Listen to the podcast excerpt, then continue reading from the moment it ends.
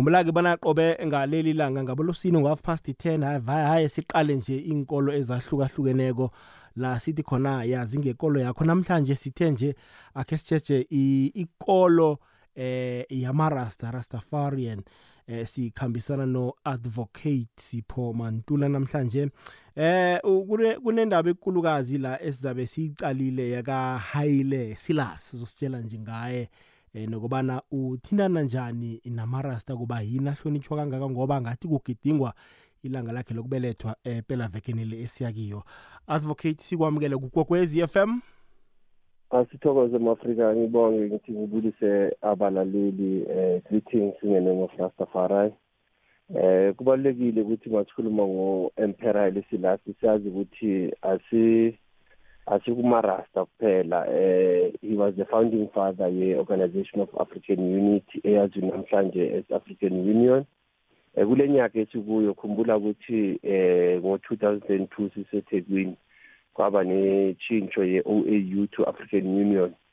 Eh since 1963 60 years ago uEmperor Haile Selassie eh waba yena eh i-president or i-chairperson ye-the Organization of African Unity but ku culture nenkolo ye-Rastafari ithathwa njengo eh the founding father eh uthathwa njenge his majesty eh the king of kings and the lord of lords uh, his imperial majesty emperor Haile I Selassie. Makasemncane makazalwa eh it's almost 131 years ngo-1892 eHarare province abaziwa njenge-Lich Tafari Makwenene. So kubalulekile nakubalaleli bazi ukuthi ayikho into ebizwa Rastafarism. Hmm. eh yazi njenge-Rastafari igama ras limina ukumkani inkosi. Oh. Itafari eh ila ibuya khona kuba bakhe udafari makwenene.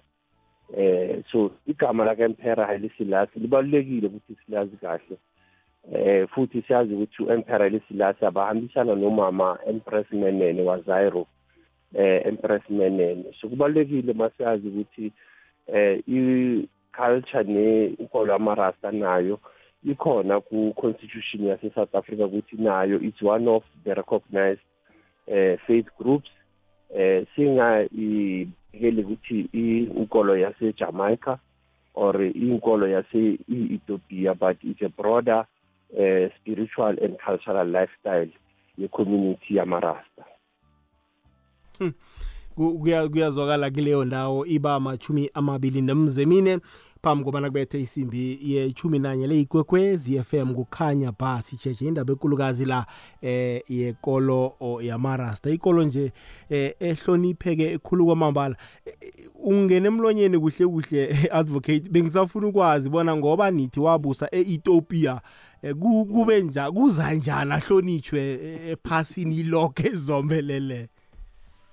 Afrika uhlonipha i-Ethiopia ngoba ubuya kule line or lineage yaka eh Solomon eh futhi kube ne connection ukuthi i-Ethiopia siyazi njenge i-country eh be inga colonizedwanga but it was briefly invaded. Kusho ukuthi inkolo yase Ethiopia noma ine orthodox christianity eh even ne-rastafari e-ethiopia umuntu angeke asho ukuthi nayo iya is been recognized. Umuntu angasho ukuthi ukuya kwakhe ejamaica ngo-1960 eh ngo-1960 ngo-1961 kwaba yona the main uh, impact yakhe eh kunto zasejamaica nase-afrika. Nase-afrika waya nasemalawi.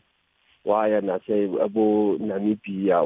Wahamba yonke jikelela afrika eh njengoba umuntu obe aziwe njengo eh spiritual father ye-African Union or African Unity futhi neku inkolo yamarasta. Kubalekile ukuthi nase i-Ethiopia eh eHarare la azalwa khona naseshashamani ila uthola i-community yamarasta khona.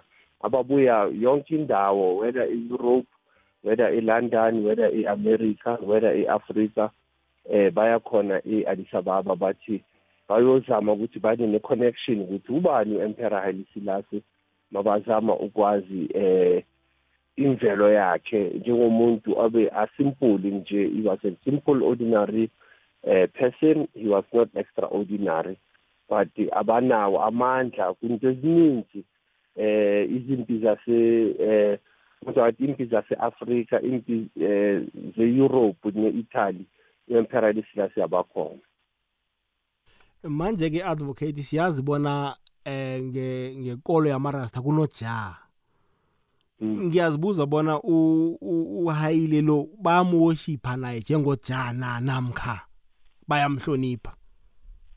Igama leja muafrika uyazi nawe muafrika sikhuluma ngejahovia. Mawuya ku ingoma yetu eh the twinkle brothers bana nokukhuluma ngejahovia. Eh mawuya kupsalm 68 igama leja linanokuvela as ya. So igama leja rastafari limina umuntu ophethe ungayibeka njengomvelinyanyi or u-god uh, creator. So the word ja ibuya from psalm 68 makuya kubhayibheli. Noma i-ethiopia inayo i-oldest bible masikhuluma ngebhayibheli i-ethiopia isanayo incwadi zokudala from a book of enoch eh uya kwincwadi ezininzi zabo Gebranegas eh nayo iBhayibheli yama-Ethiopia it was in Amharic. Uye u-Emperor Haile Selassie wayenza ukuthi iBhayibheli yase-Ethiopia i-translate kumanye amalimi ukuthi abantu ba-understand ukuthi i-Ethiopia is one of the places enayo i-Asian Christianity. Eh hence ubona ukuthi i-Ethiopia namanje masikhuluma eh inyaka asi 2023 e-Ethiopia sikhuluma nge-2017 eh uzobona ukuthi nekhalenda yabo ihlukile. Eh namalanga wamarasta ilanga leli Sunday ilanga elikhulu ku community yamarasta global hayi eAfrica kuphela. Eh umuntu akasho nje ukuthi from eJamaica kuya kubo UK kuya kubo America lelanga la kaMperial Selassie likhona ku calendar eh nase South Africa the timing ise commissioning yenkolo namalimi CRL eh sina nokuthi siyenze yona iawareness. Ukuthi nawo amarasta banawo amalanga wabo that they set aside ukuthi bakhumbule u-emperali silasi um nge-23 zaka zakajulayi. Um njengelanga elifana njenge-Africa Liberation Day or Africa Day nalo likhona ku calendar yamarasta eh mawuya ku calendar futhi amarasta ubone inyaka ezayo sikhuluma ngoMarcus Garvey waseJamaica 17 August so nawo amarasta banawo amalanga wabo eh kusho ukuthi from 29 years since i-South Africa iba liberated. Bayakhohlwa ukuthi nabo eh bakhunjule ukuthi amarasta buyaphi bamephi kunto zenkolo nento ze-culture in Africa kuyazwakala mu-afrika. Manje-ke eh advocate amarasta ayakholelwa bona ebhayibhelini. Afrika ibhayibheli efundwa ngamarasta i-different njengongishilo ukuthi ibhayibheli esiyaziyo siyazi ibhayibheli ebeyazi ukuthi inama inencwadi ezi-66 incwadi yamarasta mabayijonga bathi bona ama-speech waka-Emperor Selassie iba i-Third Testament yethu. Futhi masiya ku Bible eh njengongishilo inencwadi ezi-80 incwadi from 66 to 80 so ukuthi there are more 15 books ezimisayo from the original Bible. So amarasta abanye bazosho ukuthi eh asifundi nje iBhayibheli siyayiphila. Eh nama-psalms ukuthi amarasta mabathetha bazokutshela ngama-psalms wakaking solomon. Eh nalayo incwadi le yama-psalms aseyama-psalms a-150 there are more than 150 psalms eh mawuya nakwibhayibheli uthola igama le-ethiopia from i-genesis. Ikhona enye i-one of the rivers ebebizwa ukuthi ibingena nge-ethiopia mawuya naku-psalm 87 uthola negama le-Ethiopia so amarasta ubuninzi babo noma ba banayo inkolo ye-Christianity ubuninzi babo bana nokubuyela umuntu akasho ukuthi in their cultural lifestyle yabo. Banga eh bangabi focus kwinto yeBhayibheli esithi ibuya eEurope. Sinayo ukuyinikeza interpretation yethu la ekhaya. Ngoba senziwa ngathi iBhayibheli the New Testament yiyo kuphela when actually Old Testament nayo eh ikhona na ku New Testament siyabona futhi nakuma teachings or ama speeches waka Haile Selassie uquota kakhulu nayo iBhayibheli Emperor Haile Selassie ngaba eh the time aku OAU even the time i-empire yase Ethiopia umuntu abathanda ukuthandaza eh nase i-Ethiopia makuyiwa ku ukolo or kwinkonzo baya ku enye indawo ibizwa lalibhela ilalibhela isonto eliselitsheni it is in the rock. It's a church that was built on the rock. Eh ila i-community amarasta ibhivayo or inayo i-knowledge ukuthi asi we don't just read the bible iyaphilwa i-community amarasta hmm. manje ke advocate amarasta ne ne western medication niyakholelwa kuma drugs muthi wakadokotera into ezifana nalezo? Afrika into yama-drugs eh ne-western medication uthola kuningi babo ba-believe kuma-herbs hence uthola no-peter tosh ababizwa the bush doctor igama le-bush doctor. Eh abaningi babo baya eh, they believe ukuthi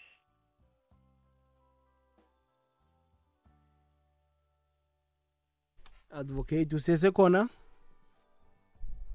alright akhe sokuqala bona singabuya naye na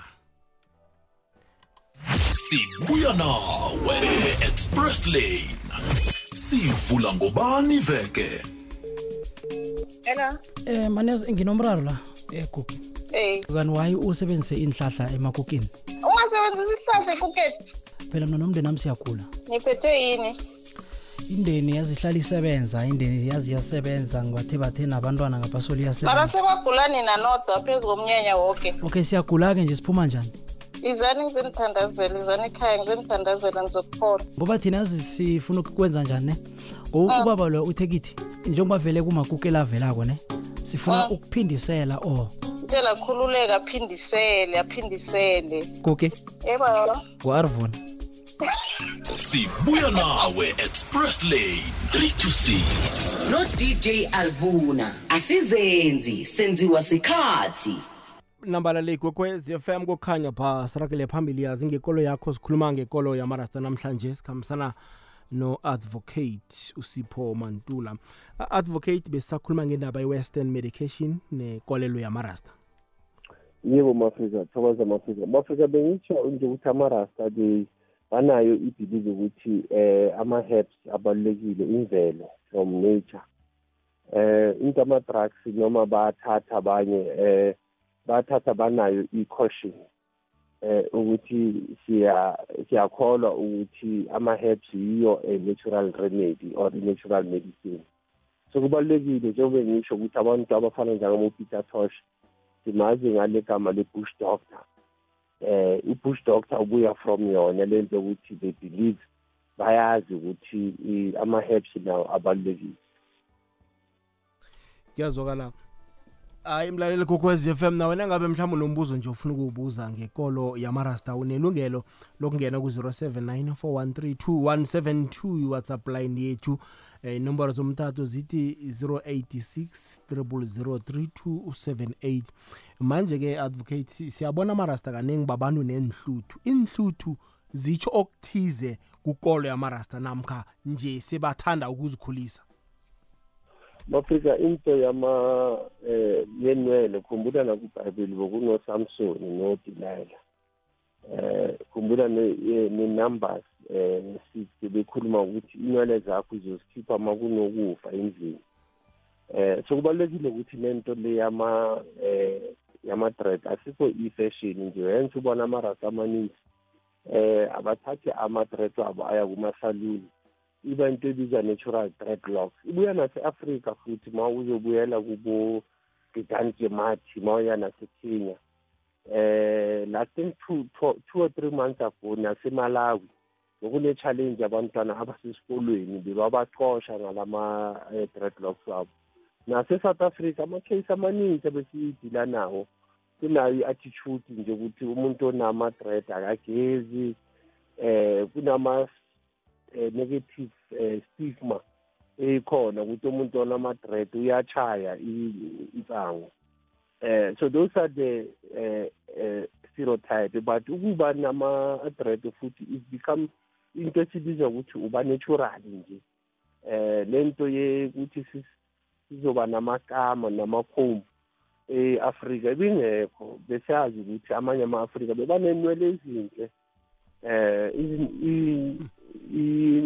inwele zamarasa futhi njengongisho dreadlocks ayimini into ithusayo eh njengongisho futhi asikho i-fashion singayithathi njenge-fashion eh ibalulekile siyazi ukuthi futhi amarasta bayithatha njengevawo ukuthi uthatha i-commitment ne-oath within i-spirituality se-rastafari uthinde iphuzu eliqakathekileko la advocate indaba nakukhulunywe ngamarasta abaningi baqabangela iganja isango iye nisebenzisa njani nina isetshenziselwa lokho esikwaziko thina namkha kini itsho ukuthini?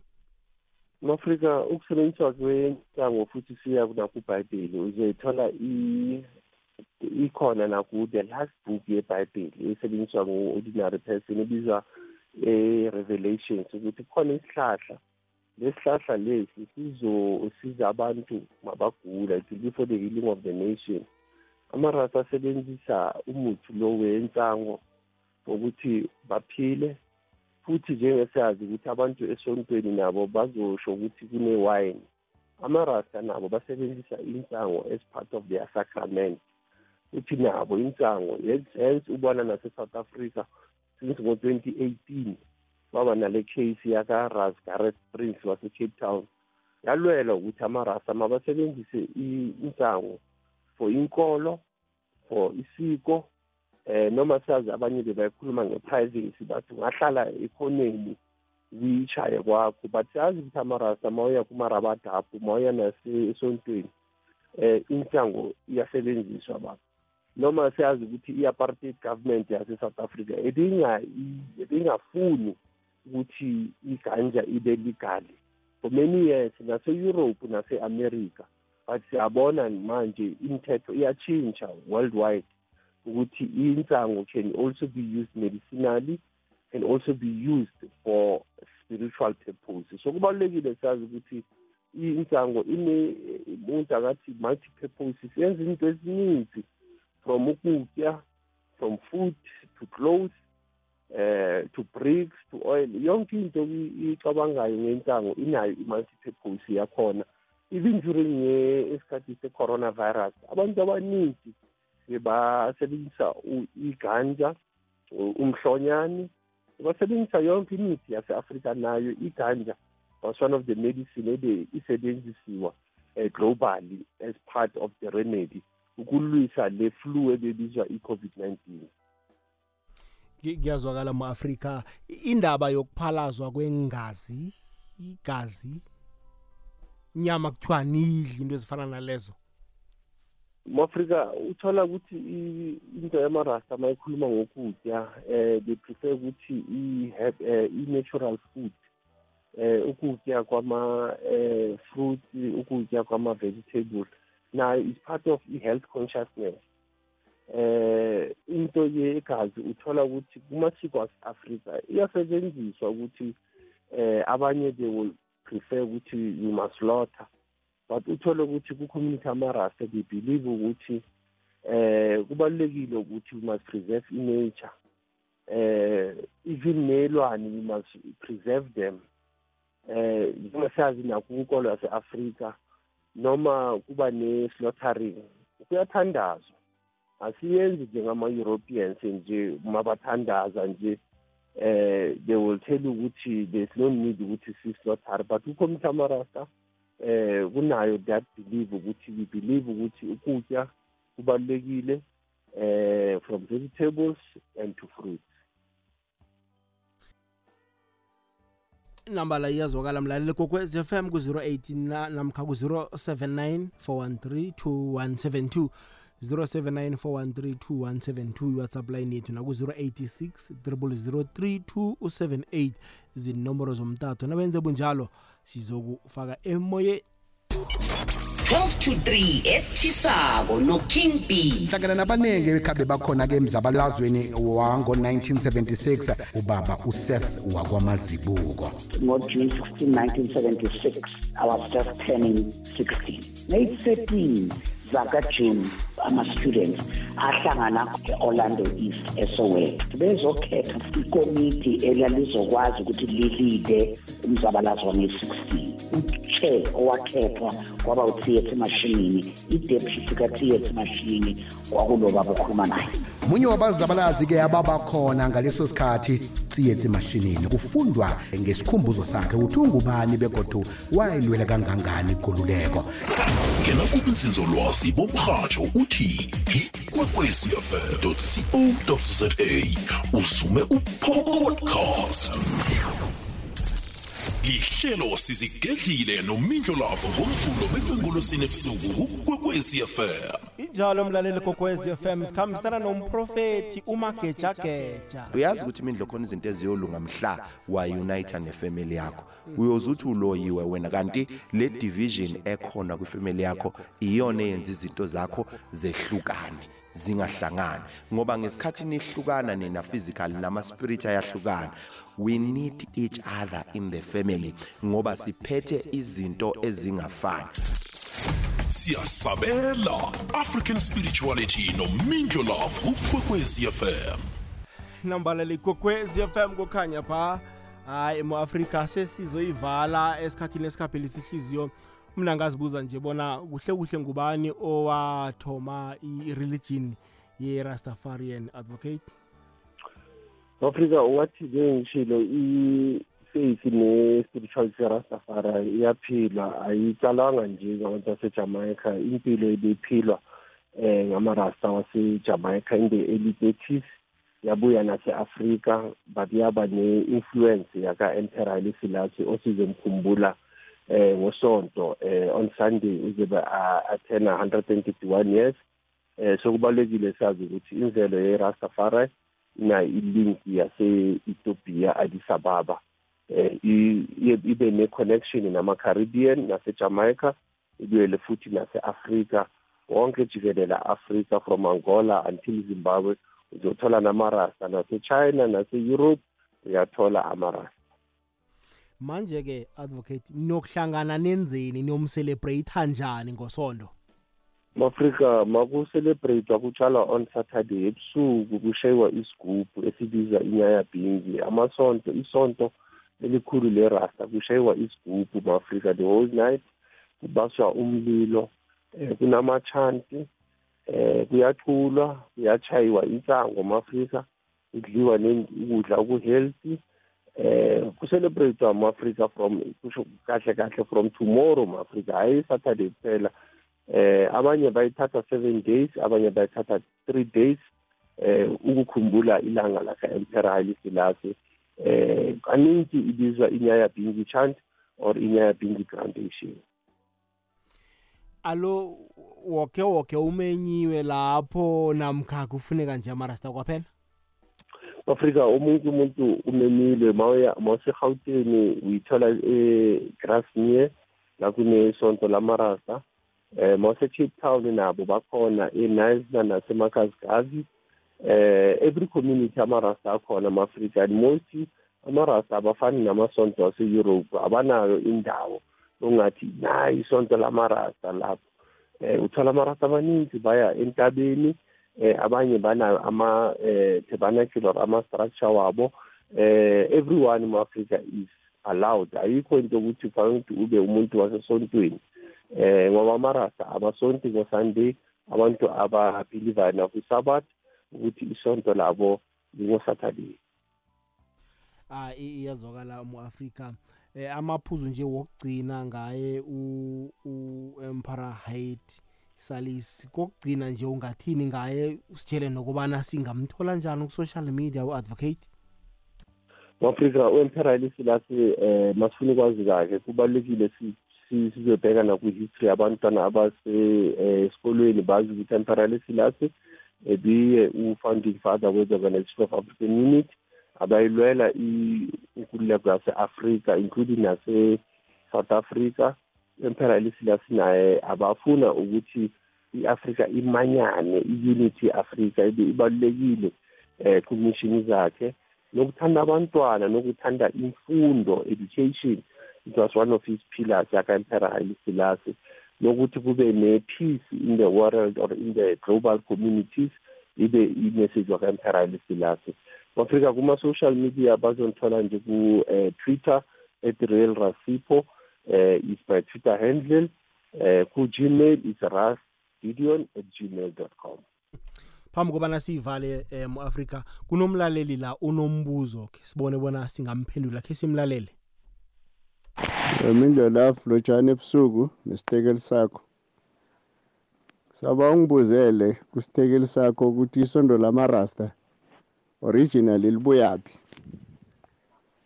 Ngoba kunamasondo afike eSouth Africa njengelinye elibuye eBrazil elikatelela bobaba ukuthi basterilize likatelela boma ukuthi bakhiphe imbeletho lenza i-money laundering kodwana liberekisa ibhayibheli. Isondweni ngokwalo liletha isiko or iculture yalo. Mara bayiletha through ibhayibheli baconvince abantu ukuthi izinto abazenzako bona izinto ezifuna nguzimu mina as an african mangikhuluma ngokuphahla mangenza amasiko bathi lokho kuyisono phambi kokazimu sabawa incazelo ukuthi libuyaphi isondo lamarasta eh lihluke ngani kunamasondo amanye la abuya ngaphandle. Afike la eSouth Africa ngamasiko wawo aba-practice emasondweni. Mara baberegisa ibhayibheli to cover up ukuthi bangabonakali izinto abazenzako ezi-wrong kukhanya ba komo section i kangani uh, asimphendule mu-afrika? Mu-afrika ngimzile njengobe sicala mu-afrika ukuthi isonto lamarasta eh i-religion yamarasta is a way of life ema-afrika ibuya e-ethiopia ithola yonke indawo e-afrika. Inkolo yamarasta or isiko lamarasta uh, it's a way of life ema-afrika ayilifani ne amanye ama-western religions and futhi ayifuni nokuthi icompare eh hence bengisho earlier ukuthi i-Ethiopia yiyo ikhaya is the mother of all Christian civilization noma ungaya kuma ungaya kuma religious text or books uthola i-Ethiopia yiyo enayo inkolo yase-Afrika nenkolo enayo isiko futhi. Singazama ukubeka inkolo eh using the bible only kuphela but inkolo njengasho ubaba yambisana nokuphahla. Amarasa bona bakhuluma nge-meditation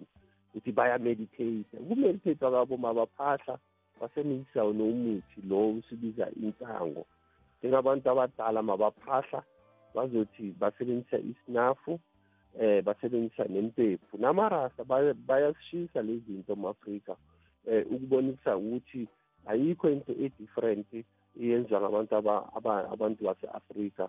Hence ngisho ukuthi inkolo amarasta ayibuyi ejamaica ayibuyi nase-europe inkolo yase-afrika e-addis ababa. Hmm. uh, ma-afrika sithokoze khulu kwamambala ukuba nawe isikhathi sakho namhlanje. Siyabonga ama-afrika thanks uh, in the name of emperor Selassie siyathokoza. Thokoza mafrika awuzweke bengu-advocate usipho mantula asitshela ngendaba ekulukazi la ngekolo yamarasta. Hmm? awoyi bayagidinga ngosondo empara silas.